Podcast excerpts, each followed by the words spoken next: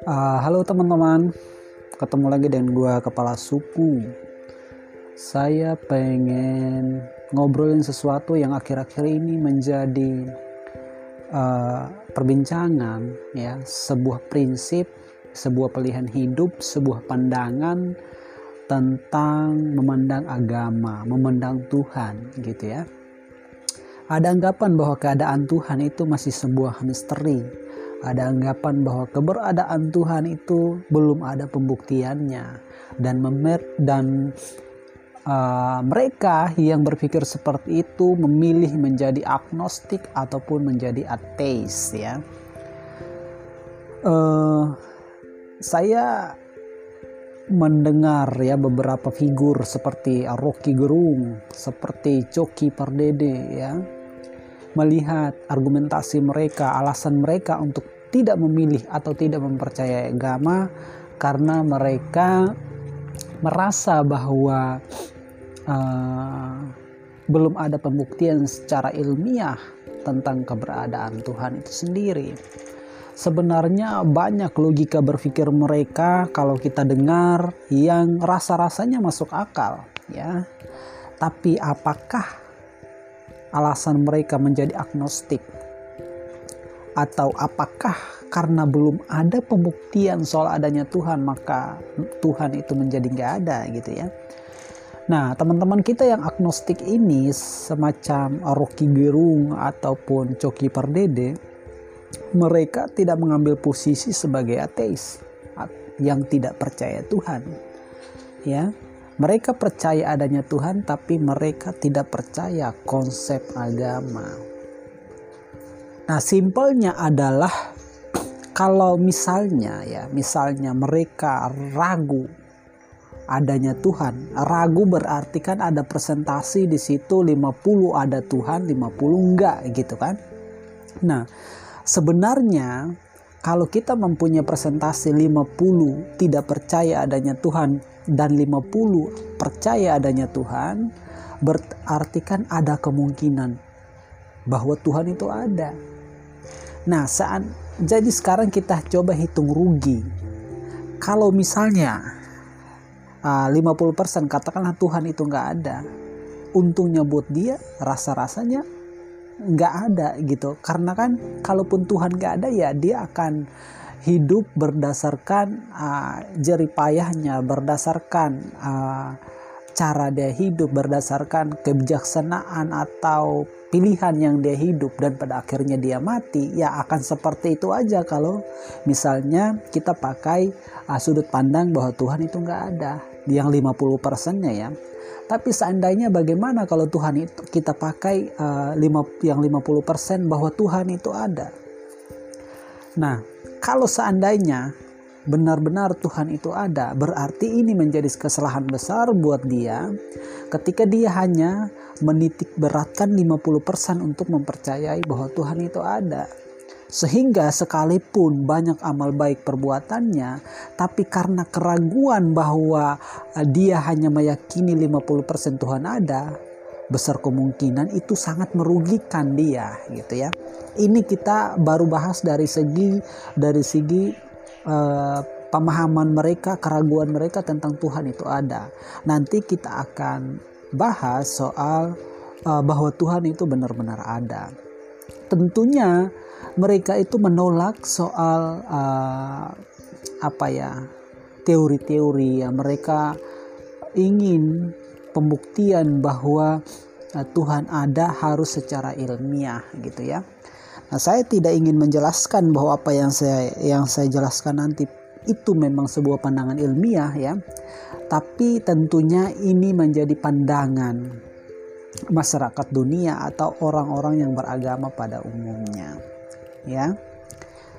Nah, eh, dan tentunya ilmiah. Ya, saya harus mengambil kesimpulan bahwa kemungkinan besar apa yang saya sampaikan adalah sebuah ilmiah. Nah, mereka selama ini merasa bahwa ketika dia mendapatkan karma baik itu semua karena memang cara dia hidup ya, cara dia memilih kehidupannya untuk melakukan hal-hal yang baik baik ter, terhadap pendidikannya, baik terhadap karirnya, baik terhadap kesehatannya, sehingga dia mendapatkan karma baik. Itu semua karena uh, pilihan dia untuk melakukan hal yang baik, sehingga impact buat hidupnya dia adalah baik gitu. Nah, sehingga dia merasa bahwa nggak ada suatu dimensi yang yang yang luar biasa yang eksternal yang terjadi pada diri dia selain dari keinginan dia untuk melakukan misalnya dari kesehatannya ya uh, untuk survive dari segi pendidikan ya untuk survive di segi uh, karir gitu. Jadi uh, seorang agnostik atau ateis selalu merasa semua itu karena diri sendiri ya. Karena be yourself gitu Nah, sebaliknya ketika dia mendapatkan musibah malapetaka ya karma buruk, dia ngerasa bahwa itu adalah sebuah rentetan ya keselewengan atau rentetan kesalahan yang selama ini dia kurang antisipasi atau nggak memperbaikinya sehingga dia mendapatkan karma buruk. Jadi lagi-lagi dia mengeliminir yang namanya uh, campur tangan dari uh, yang bersifat eksternal atau dimensi Tuhan atau dimensi uh, uh, roh ya. Nah, dia mengeliminir itu dan benar-benar dia ngerasa karma baik maupun karma buruk adalah benar-benar karena hanya berpatokan pada dirinya sendiri. Nah, sehingga mereka ngerasa bahwa apa yang yang yang terjadi dalam hidup mereka bukanlah ya atas dimensi lain yaitu Tuhan itu sendiri. Lantas banyak yang menyerang mereka bahwa Tuhan itu benar ada sebab uh, engkau di, di, di, ditolong ya ketika ada kesulitan dan sebagainya Tuhan itu mengasihi kamu lewat uh, pertolongannya sehingga bisa saja kamu terhindarkan dari maut gitu.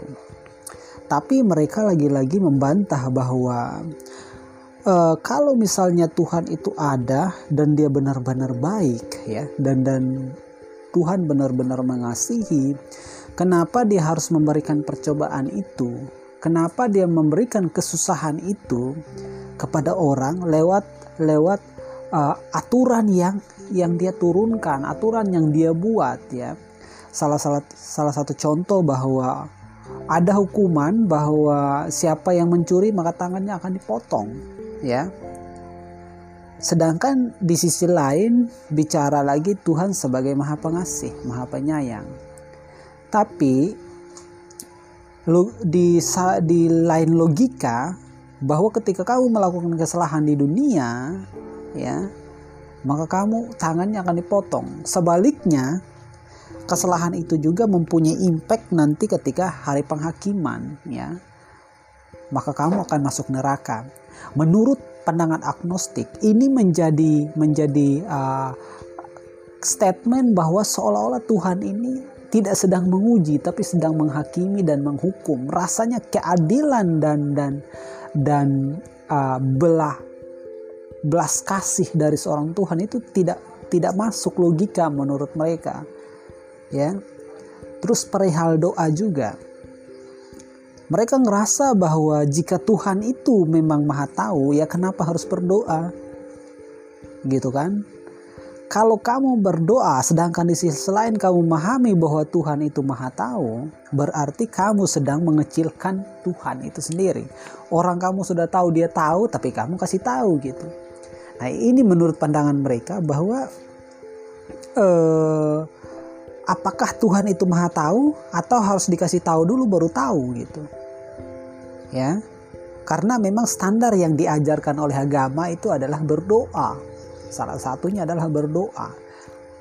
Makanya orang agnostik ya tidak tidak berdoa karena ya itu tadi dia ngerasa bahwa 50% bahwa dia percaya adanya Tuhan ya tanpa dia berdoa pun istilahnya Tuhan udah tahu dan apa yang dia lakukan apa yang dia dia dia dapatkan baik karma buruk karma baik itu semua karena dirinya sendiri nah formula berpikirnya kurang lebih seperti itu. Nah, uh, itulah yang menjadi kontroversi ya, sekaligus juga uh, memaksa kita untuk berpikir untuk men-challenge pandangan agnostik supaya jangan sampai pemikiran agnostik ini menjadi seolah-olah benar dan menggugurkan iman percaya kita kepada agama. Ya, trust kita kepada agama dan iman kita kepada Tuhan yang Maha Esa. Oleh sebab itu, saya berpendapat bahwa mungkin ya dalam kesempatan ini saya nggak bisa jawab semuanya tentang keraguan agnostik ya, tapi hanya beberapa part aja uh, terkait dengan uh, apakah Tuhan itu ada ya. Terus uh, kalau misalnya Tuhan itu ada sekarang kita jawab dulu apakah Tuhan itu ada gitu ya. Ya tentunya Tuhan jelas-jelas ada. Kenapa Tuhan itu ada? Karena apa yang disampaikan atau yang disaksikan oleh nabi-nabi sebelumnya ya orang-orang yang hidup di zaman dulu itu kan memang disaksikan langsung tentang mukjizat ya tentang uh, perbuatan-perbuatan dahsyat ya itu semua itu benar terjadi dan disaksikan oleh orang-orang saat itu. Lantas apakah ya cerita keajaiban Tuhan saat itu bisa da, bisa dipercaya? Sedangkan secara ilmiahnya nggak terbukti gitu kan?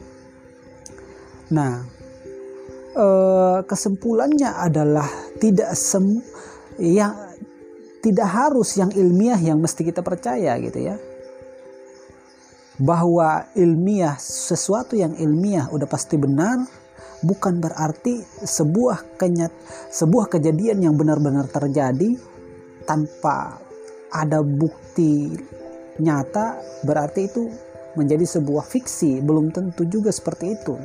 Karena kita juga belajar sejarah. Hidup manusia kan ini turun temurun kan. Istilahnya dari manusia pertama dia punya anak dan punya rentetan uh, sampai pada manusia pada generasi saat ini gitu tentunya apa yang diketahui manusia pertama ya akan diketahui juga manusia uh, keturunannya berikutnya. Sehingga uh, kejadian-kejadian itu akan diabadikan lewat pikiran akan diabadikan lewat lewat lewat cerita sejarah gitu ya.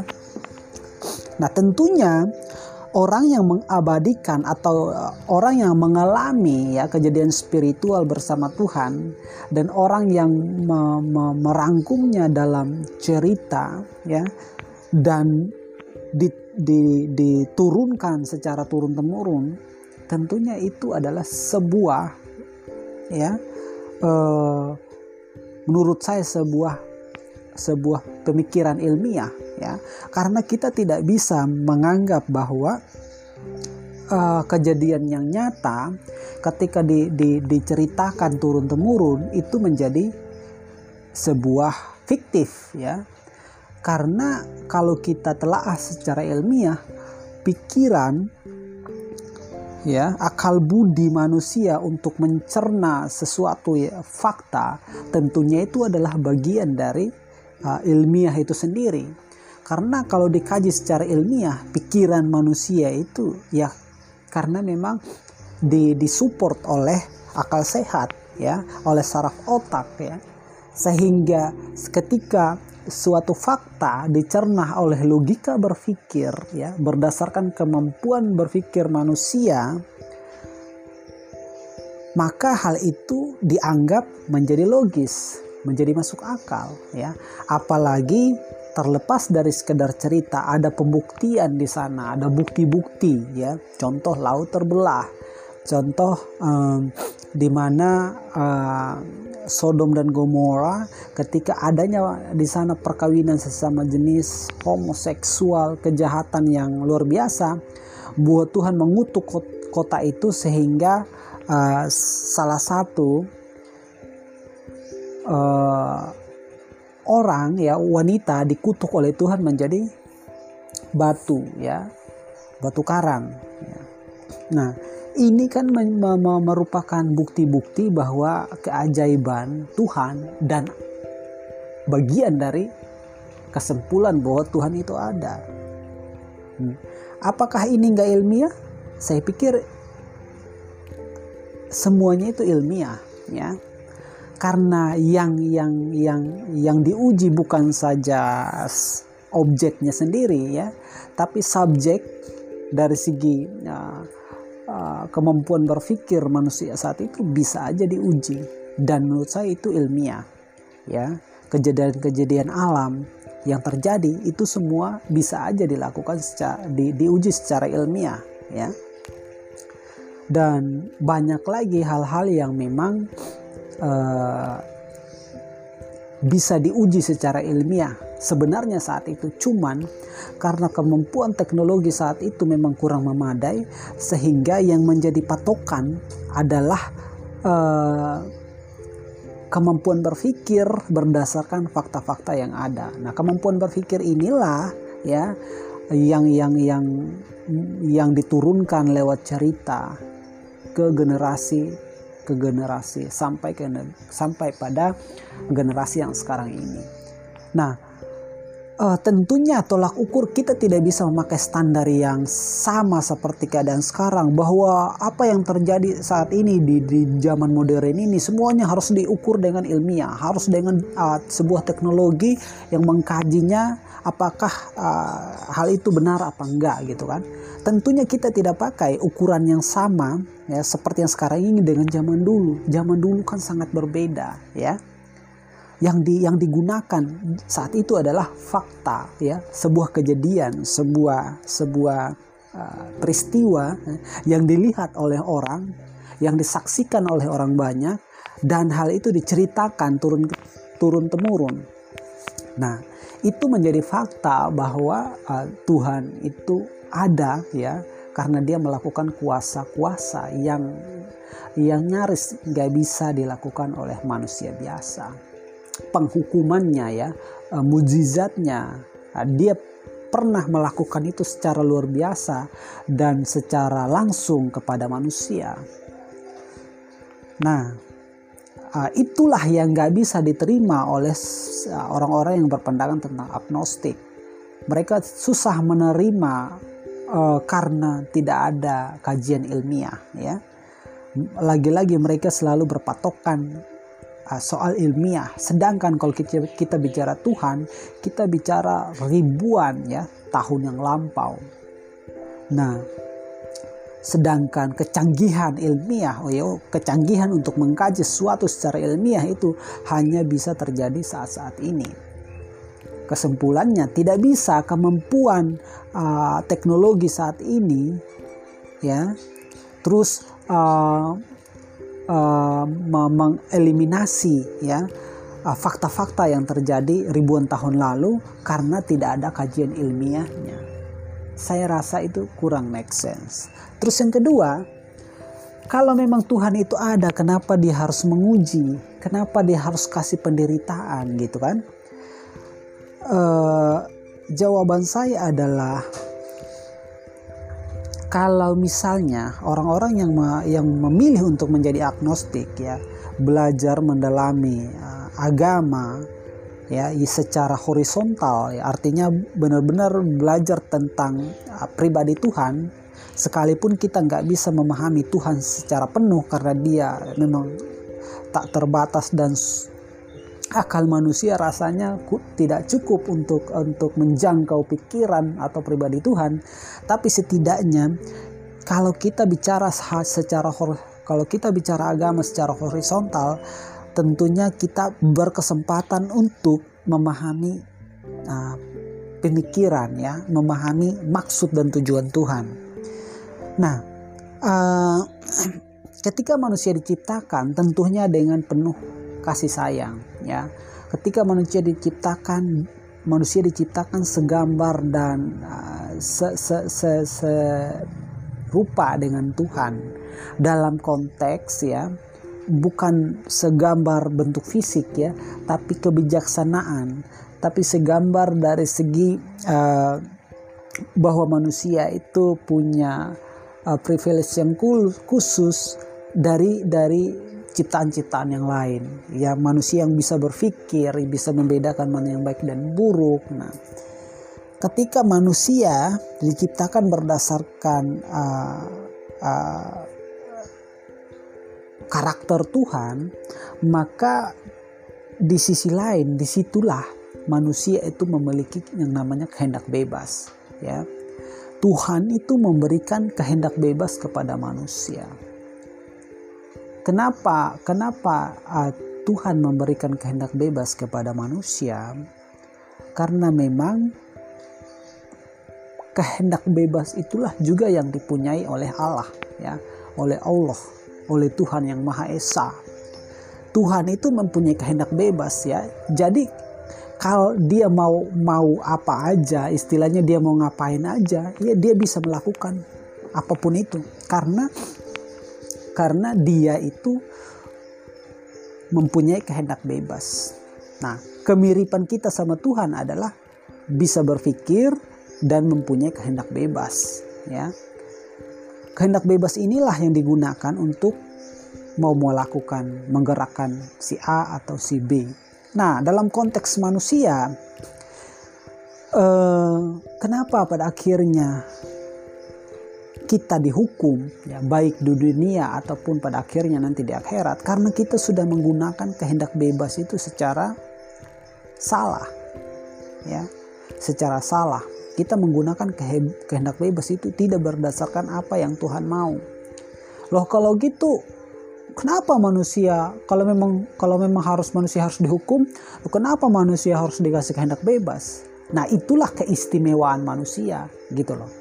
Kalau misalnya, kalau misalnya manusia tidak diberikan kehendak bebas, bisa saja kita itu bentukannya manusia, tapi cara berpikir kita seperti anjing, cara berpikir kita seperti babi, cara berpikir kita seperti ah, kerbau, bisa aja seperti itu.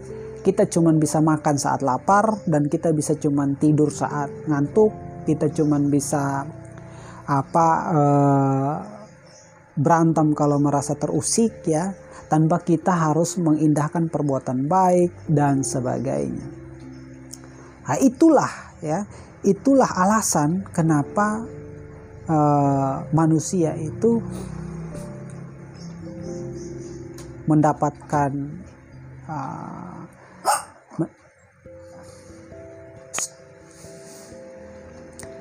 mendapatkan punishment ketika kamu menggunakan kebebasan itu secara salah atau itulah akibat ya ketika kamu menggunakan kehendak bebas itu secara salah. Nah, muncul pertanyaan ya, oke okay, mereka bilang ki kami percayalah, anggap aja percaya Tuhan, tapi kami tidak percaya agama gitu kan.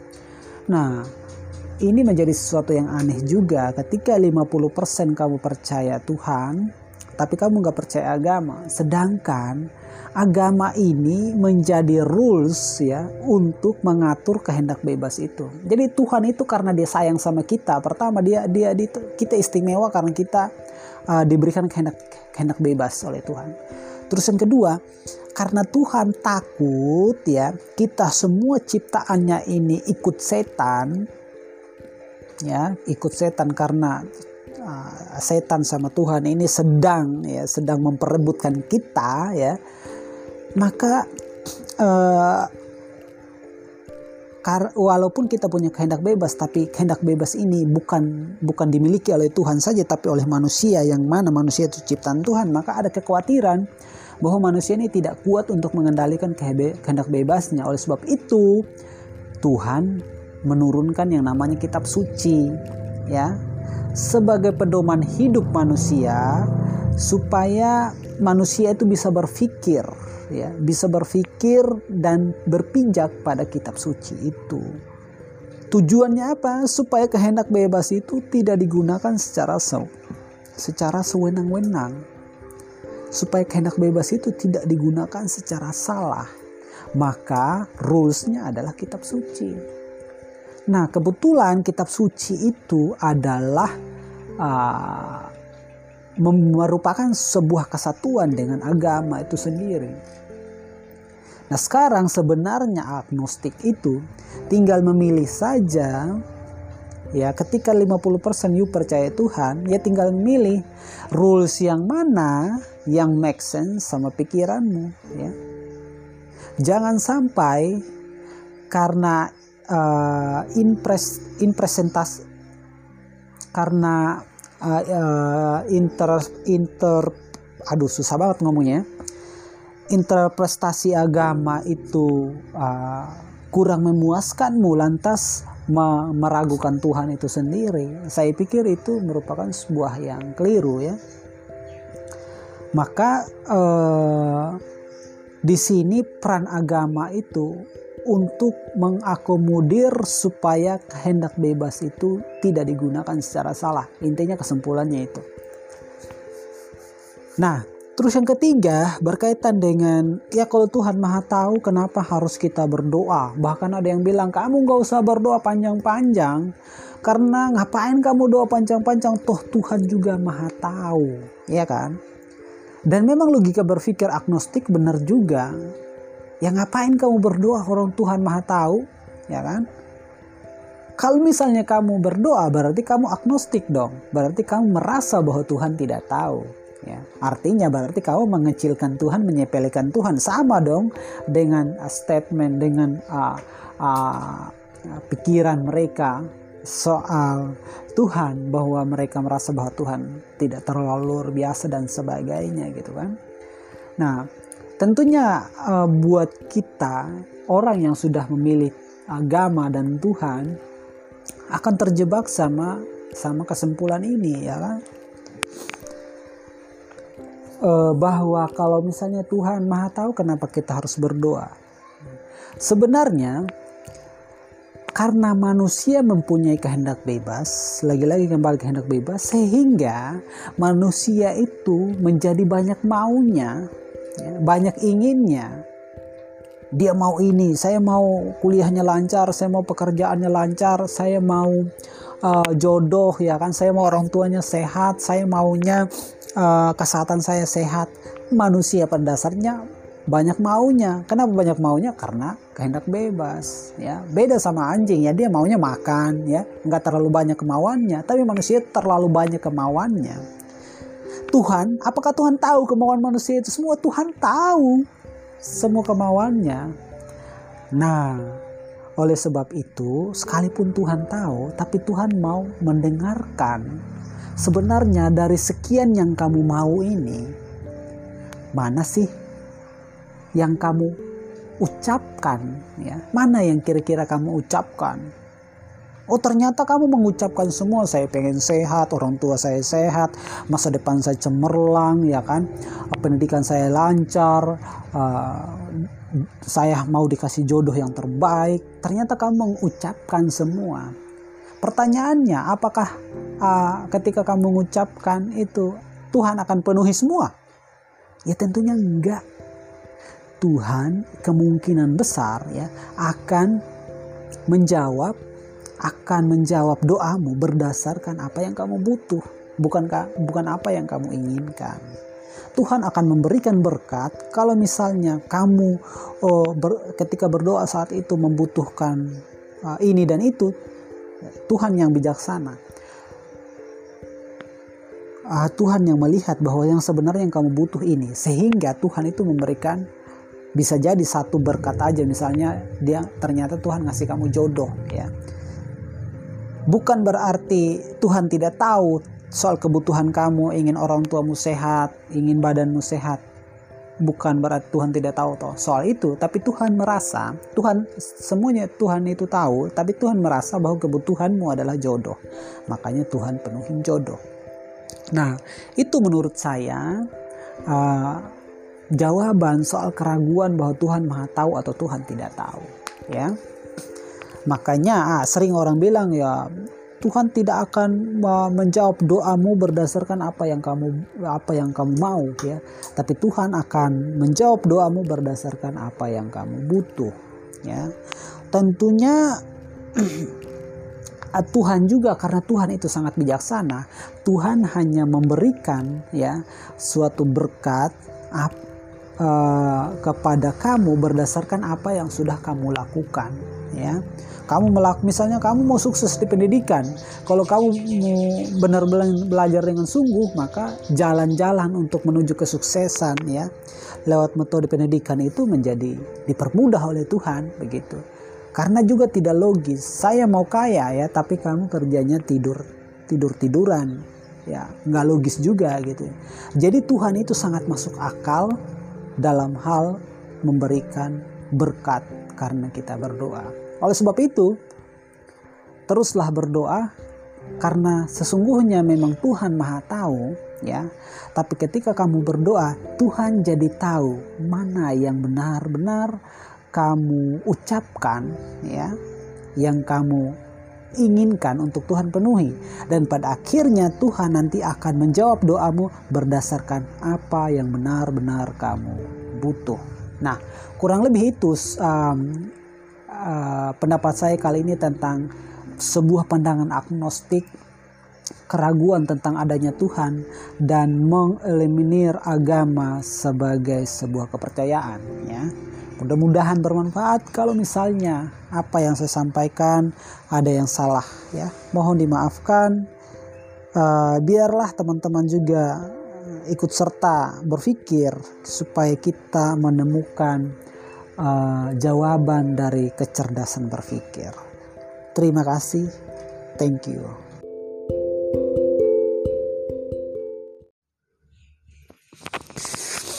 Ya, ketemu lagi dengan gua kepala suku yang pikirannya masih primitif ya. Um, dalam kesempatan ini gue pengen bahas soal hal-hal yang Tuhan gak bisa buat ya Nah, sebelum kita mulai, kita sepakat dulu bahwa Tuhan Maha Kuasa, Tuhan Maha Mulia, Maha Dahsyat, Maha Tahu, Maha Pengasih, Maha Penyayang, dan juga Tuhan Maha Besar. Nah, eh, setelah kita sepakat itu, baru gua mau bicara soal apa yang Tuhan gak bisa buat. Ya, mungkin dalam kesempatan ini uh, bukan kesimpulan secara universal atau uh, atau uh, apa ya pandangan umum ya soal apa yang Tuhan gak bisa buat ini pure dari perspektif saya dari pikiran primitif saya ya berkaitan dengan apa yang Tuhan gak bisa buat. Nah, menurut saya ada dua hal yang Tuhan gak bisa buat. Nah, yang pertama berkaitan dengan um, kehendak bebas, ya. Menurut saya Tuhan gak bisa menghentikan kebebasan manusia itu sendiri, ya. Tuhan gak bisa meng sekali lagi Tuhan gak bisa menghentikan kehendak bebas dari manusia itu sendiri, ya. Karena karena Tuhan gak bisa menghentikan kebebasan manusia itu sendiri, maka uh, manusia pun sebenarnya tidak bisa mencabut kebebasan sesama manusia. Karena kalau kebebasan itu dicabut, menurut saya manusia itu akan menjadi seperti hewan, ya. Karena ke karena kebebasan itu sebenarnya yang menentukan yang membuat manusia itu menjadi berpikir bijaksana, yang melakukan yang baik dan yang buruk ya. Sehingga ketika Tuhan tidak mampu ya atau tidak bisa menghentikan kebebasan manusia, kehendak bebas manusia, maka Tuhan hanya bisa ya uh, membuat petunjuk atau hanya sebatas mengingatkan berkaitan dengan kehendak bebas manusia. Dengan cara apa?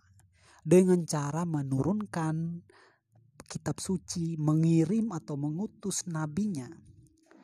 Nah, hal ini sangat berkaitan dengan supaya manusia menggunakan kehendak bebas itu dengan cara yang semestinya, yang sesuai dengan apa yang Tuhan mau. Nah, karena kehendak bebas itu sangat penting dan sangat mendasar, oleh sebab itu adanya kehendak bebas yang Tuhan gak bisa stop itu, maka uh, akibat atau hukuman dari penggunaan kehendak bebas yang tidak sesuai dengan keinginan dari keinginan Tuhan adalah surga dan neraka. Ya. Jadi uh, adanya surga dan neraka itu adalah akibat dari penggunaan kehendak bebas yang menyalahi apa yang menjadi keinginan Tuhan.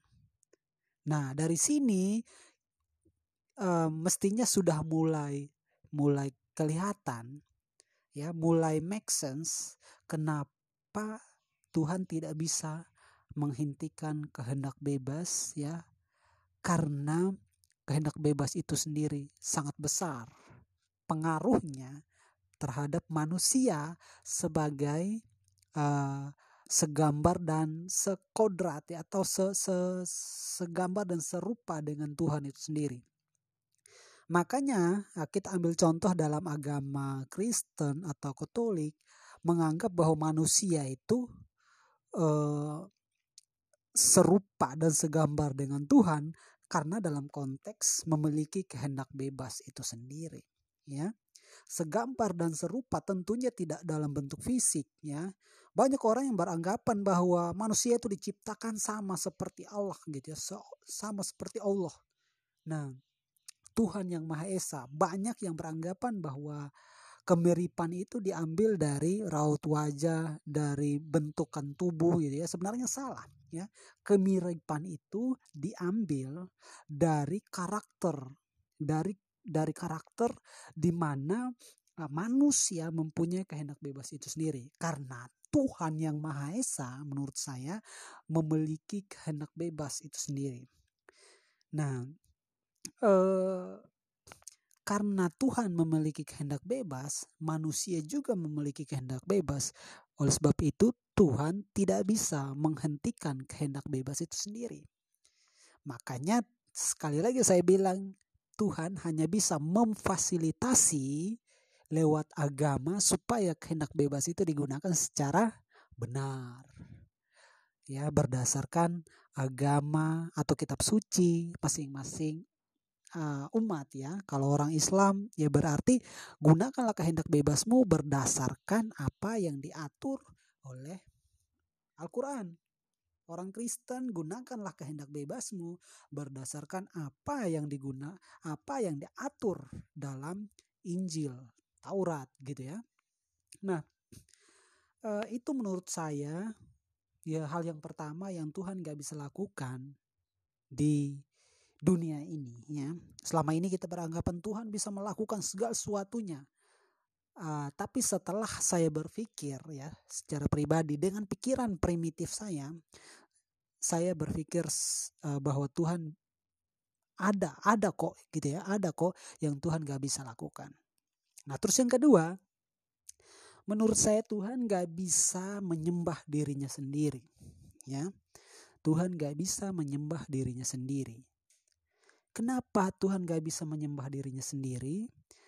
karena uh, terlihat dari manusia itu diciptakan ya salah satu kenapa manusia diciptakan karena Tuhan kehilangan ciptaannya yang memuliakan dia dalam hal ini kalau kita belajar Islam belajar Kristen tentu alasan kenapa iblis dibuang ke bumi karena mereka tidak menuruti perintah ya membangkang atau tidak mengikuti apa yang Tuhan uh, uh, perintahkan.